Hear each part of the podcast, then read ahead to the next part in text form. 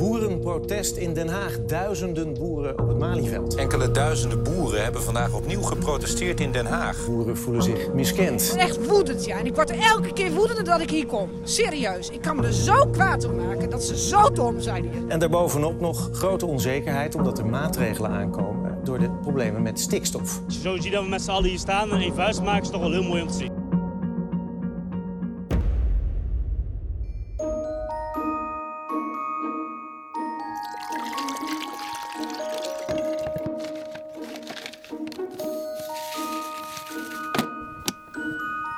Loopt.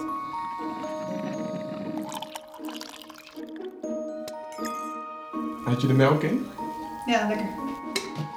Zit je er klaar voor? Ja. Jij? Ja, ik ook. Nou, dan kunnen we beginnen. Nou, gezellig. Ehm, maar eh, waar beginnen we eigenlijk?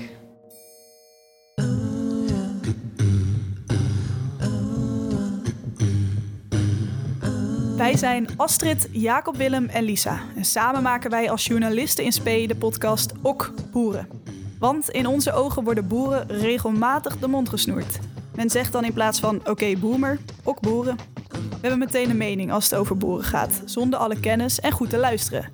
Met deze podcast hopen wij jou meer inzicht te geven over wat er speelt onder de Nederlandse boeren nu natuur hot topic is. Dit is onze zoektocht en we nemen jou mee. Deze podcastserie bestaat uit vier delen. In deze aflevering zoeken we het antwoord op de vraag: wie is de Nederlandse boer en waarom zijn veel boeren boos? Kleine disclaimer: de Nederlandse boer die bestaat eigenlijk niet, maar daar komen we straks nog op terug. Welkom bij Ok Boeren. Oké, hoe gaan we dit aanpakken? Zullen we anders eerst opzoeken wat de boer eigenlijk betekent? Ja, top. Zoekbetekenis boer.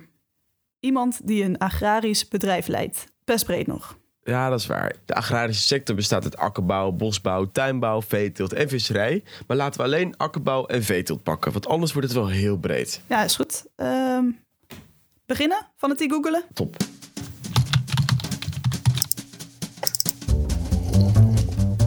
Astrid, wat heb jij gevonden? Ik vind op de site van het CBS dat Nederland in 2018 maar liefst 53.919 landbouwbedrijven telt. Oh, dat is veel. Ik heb ook iets interessants eh, gevonden. En, eh, want ik lees namelijk telkens op het internet dat wij als Nederland op plek 2 staan in de wereld als het gaat over export van landbouwproducten. Maar dan denk ik, ja, we zijn een super klein land. Hoe dan? Dus ik heb een beetje onderzoek gedaan. eh, en ik heb een onderzoek gevonden van het CBS en Wageningen Universiteit. En daarin lees je dus eh, dat de berekeningen over de exportproducten die wij doen, daarin zijn ook, ook producten meegerekend die niet door onszelf verbouwd worden of gemaakt worden. Nou ja, gemaakt misschien een beetje wel. Neem bijvoorbeeld chocolade. Cacaobonen kunnen wij totaal niet verbouwen in Nederland, want daar hebben we het klimaat niet voor. Maar we verwerken echt heel veel cacao in onze fabrieken in Nederland. En daar wordt de chocola van gemaakt. In de berekening van de exportproducten wordt dus ook gewoon cacao meegenomen en de chocolade, omdat het hier bewerkt wordt Oké. verbouwen wij dan ook zoveel dat wij iedereen in ons eigen land kunnen voorzien van voedsel? Nee, nee, nee, dat klopt volgens mij niet. Ik heb daar ooit iets van over op de radio gehoord. Even zoeken. Yes, gevonden. Eh, mevrouw Melwijk van het Planbureau voor de Leefomgeving zegt erover het volgende in een item van Radio 1. Het, het land wat gebruikt wordt om het voedsel te produceren dat Nederlanders opeten, dat is per Nederlander ongeveer 1800 vierkante meter. Dus dat zou je ook kunnen voorstellen als een soort tuin eh, van 1800 vierkante meter per Nederlander die nodig is om al het eten wat Nederlanders eten te verbouwen. En van die tuin ligt dus ongeveer driekwart in het buitenland. Dat is een interessant gegeven. Eh, en in het artikel dat ze hierbij publiceren vond ik ook nog een interessant feitje. Namelijk 60% van de zuivel die wij consumeren komt van over de grens. Dit gaat dan niet om pakken melk, maar om de zuivel die verwerkt is in andere producten zoals koekjes en taart. Nou, leuk al deze feitjes. We hebben een beetje een basiskennis. Maar wat ik me dan afvraag, hoe is deze sector ooit zo groot geworden? Erg goede vraag, Jacob Willem. Dat heeft Lisa volgens mij ondertussen uitgezocht. Ja, waar is Lisa eigenlijk? Ja, thuis in quarantaine en in het verleden, want we moeten even terug in de tijd om de agrarische sector van nu te begrijpen.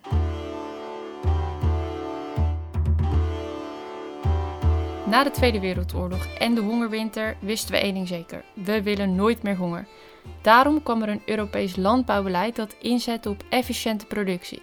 Dat betekent dus dat er zoveel mogelijk voedsel zo goedkoop mogelijk geproduceerd moest worden. En dat is gelukt, want er is geen honger meer en boeren produceren ontzettend efficiënt. Maar dit beleid heeft ook neveneffecten. Neem bijvoorbeeld intensieve veeteelt. Dat betekent dat er veel dieren bij elkaar zitten, dus dierenwelzijn dat werd een dingetje. Daar zijn inmiddels alweer nieuwe regels en wetten voor gekomen en er is heel veel verbeterd. Maar even terug naar 2020, want er is nu veel te doen om de uitstoot van gassen en stoffen die vervuilend kunnen zijn. Denk daarbij aan fosfaat en stikstof. De agrarische sector is één van de sectoren die gassen uitstoot. Tot zover mijn lesje geschiedenis. Duidelijk. Wist jij dit allemaal, Jacob Willem? Ik moet eerlijk bekennen, ik wist het niet hoor. Hebben we dit op school gehad? Nee, echt, echt geen idee. Maar gelukkig weten we het nu. Uh, maar als ik het goed begrijp, hè? Uh, eigenlijk heeft het motto nooit meer honger, even heel kort door de bocht, ervoor gezorgd dat we nu veel uitstoot van gassen hebben. Wat voor gevolgen zou dit dan, denk je, voor de boer hebben? Ja, om dat nu te weten, moeten we in contact komen met een boer. En laat Lisa dat nou net heel goed kunnen. Yes, ik ben in contact gekomen met boerin Mieke uit Noord-Brabant. Zij en haar man hebben een melkveehouderij met 70 koeien. Mieke, vertel, hoe is het boerenleven veranderd de afgelopen jaren? De laatste vijf of tien jaar, zal ik maar zeggen, is het, is het gewoon van de, van de ene regel in de andere. En kunnen we niet eens, uh, vroeger was het uh, boeren zijn een vrij ondernemerschap, maar tegenwoordig uh, regelt de ene regel de andere weer dicht. En de ene keer komt hij van de provincie, dan komt hij van de gemeente en dan komt hij van de nationale overheid en dan komt hij van Europa. Vroeger konden we gewoon bemesten. Dan keken we gewoon wanneer is het de grond klaar om te bemesten. En dan keken we naar het weer en we keken naar de temperatuur en we keken naar de grond en we gingen bemesten. Tegenwoordig uh, zeggen ze van nee, je mag pas vanaf 15 februari mest uitrijden. En ze zeggen ook mag maar tot 1 september. Dus nu moeten we al die mest moeten we kwijt in die zomerperiode. Of nou hier kei droog is, net zoals nu, dit heeft mesten helemaal geen nut. Dat, dat komt gewoon niet tot zijn recht. En dat bedoel ik eigenlijk, uh, er is dan iemand die, uh, die is bang dat het uitspoelt. En als agrarisch ondernemer zouden wij gewoon heel graag kijken naar uh, wat voor weer is het. Waar, hè, zelf te kijken en te bepalen van uh, wanneer dit het best kan. Want iemand hangt er een kalender aan vast. Nou, dat soort dingen, dat vind ik gewoon zo onpraktisch en onwerkbaar. Dat ik daar helemaal een beetje een start van krijg. Oké, er zijn dus meer regels bijgekomen. Hoe kijken andere boeren daar tegenaan? Ik spreek ook met Sander. Hij wordt voor het tweede jaar ingehuurd als biodynamische groenteteler op een boerderij die ligt in de polder tussen Den Haag, Rotterdam en Delft. Dan denk je misschien, wat is biodynamisch? Bij biodynamische landbouw staat de samenhang tussen mens, dier, plant en bodem centraal. Het is eigenlijk een biologische manier van boeren waaraan nog extra regels verbonden zijn. Door die hele stakingen die er geweest zijn, wordt er een soort van stigmatisering in een boer gebracht eigenlijk. Terwijl er heel veel verschillende soorten boeren zijn. En dat is ook gewoon lastig voor een overheid om juist al die regels toe te passen op die hele agrarische sector. Die, hele, die agrarische sector is een onwijs brede sector. Als je puur gaat kijken naar de akkerbouw of de veeteelt uh, of de glastuinbouw. Dat zijn dat het allemaal agrarische sector, maar zo verschillend. En ja, dat kan je eigenlijk niet over één kam scheren. Nee, dus wet en regelgeving zouden eigenlijk specifieker gemaakt moeten worden. Ja, dat zou, dat zou denk ik wel fijn zijn. Of dat het makkelijker meetbaar is. Bijvoorbeeld, je kan zaken natuurlijk veel makkelijker bijhouden als je statistieken gaat toepassen over wat uitstoot is in bepaalde gebieden. Dus dan zou je eigenlijk bepaalde metingen doen bij, uh, bij de boerderij zelf. En dan kan je gespecialiseerd kijken, uh, buiten het feit dat je gewoon puur kijkt hoe een boer boert, wat hij ervoor nodig heeft. Om te zien van, oké, deze boer moet eigenlijk veel meer aan zijn stikstofreductie uh, doen dan een andere boer. Dat, dat, gewoon, dat is net als mensen. Die kan je ook niet allemaal over, over, over één kam scheren. Dus boeren ook niet. Oké, okay, duidelijk. Iedere boer is dus anders en daar moet de overheid beter rekening mee houden. Nu ben ik wel benieuwd of er een beetje te leven valt van het boerenbestaan. Hoe zit dat bij u, Mieke? Ik hoor heel vaak in de media dat ze de boeren wel van alles gunnen, financieel gezien. Uh, zo van ja, dan de prijs uh, moet omhoog. Maar ja, de winkels die doen de prijzen wel omhoog, maar niet bij die boer, maar gewoon voor zichzelf. De eieren van, uh, van een kippenboer bijvoorbeeld, hè, ja, 40 jaar geleden waren die een dubbeltje per stuk. Die zijn nu 12 centen. Maar door wet en regelgeving zijn er heel veel eisen aangekomen dat die boer er extra aan moet doen en voor moet doen.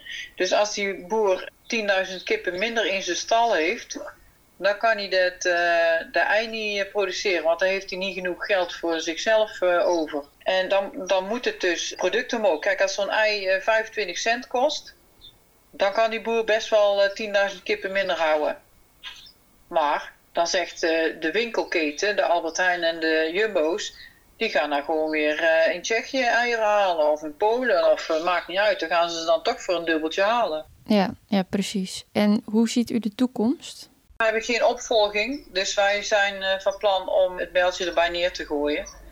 En voor de, voor de rest van de boerensector, ja, het grootste probleem in de agrarische sector is opvolging door de jeugd, de jongeren. En ik hoop dat ze dat toch, dat ze die jongeren echt een kans bieden om boer te kunnen blijven.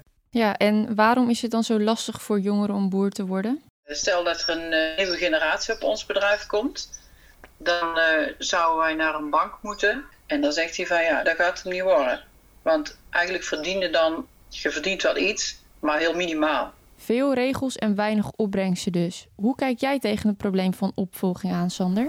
Uh, dat, is een, dat is het lastige vaak inderdaad, ja, dat, een, een, een, een, dat je een bank nodig hebt om uh, verder te kunnen gaan. En een bank kijkt vooral, oké, okay, hoe kan ik dit terugverdienen?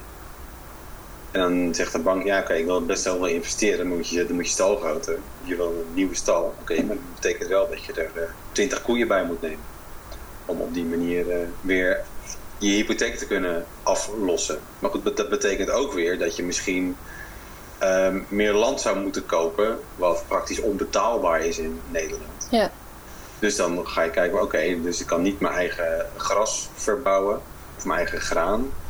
Uh, dus ik moet mijn voer gaan importeren elders vandaan. En dat, er komt heel veel voer bijvoorbeeld uit Oost-Europa.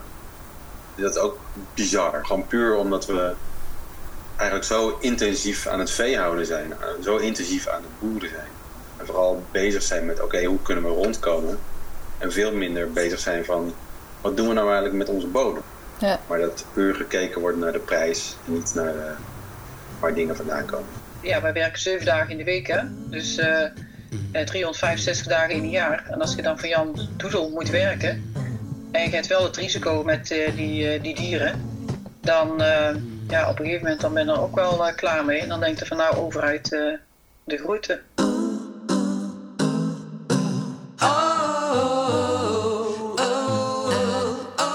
Aan het begin van deze podcast stelden we de vraag: wie is de Nederlandse boer en waar loopt deze tegenaan? Zoals Sander eerder in de aflevering zei: Nederlandse boeren zijn niet over kam te scheren. Maar er zijn wel thema's waar vrijwel alle boeren mee te maken hebben, zoals regelgeving. En er komen weer nieuwe maatregelen aan om de natuur te beschermen en te herstellen. Maar wat is er nu aan de hand met de natuur? Wat is bijvoorbeeld stikstof en fosfaat? En welke invloed hebben zij op de natuur? Met deze vragen zetten we onze zoektocht voort in de tweede aflevering van onze podcast Ok Boeren. Wil je nou meer weten over dit onderwerp? Houd dan ons Instagram-account Ok Boeren in de gaten. Daar houden we je op de hoogte van verdiepende artikelen die we schrijven en posten we foto's en video's van achter de schermen. Tot de volgende.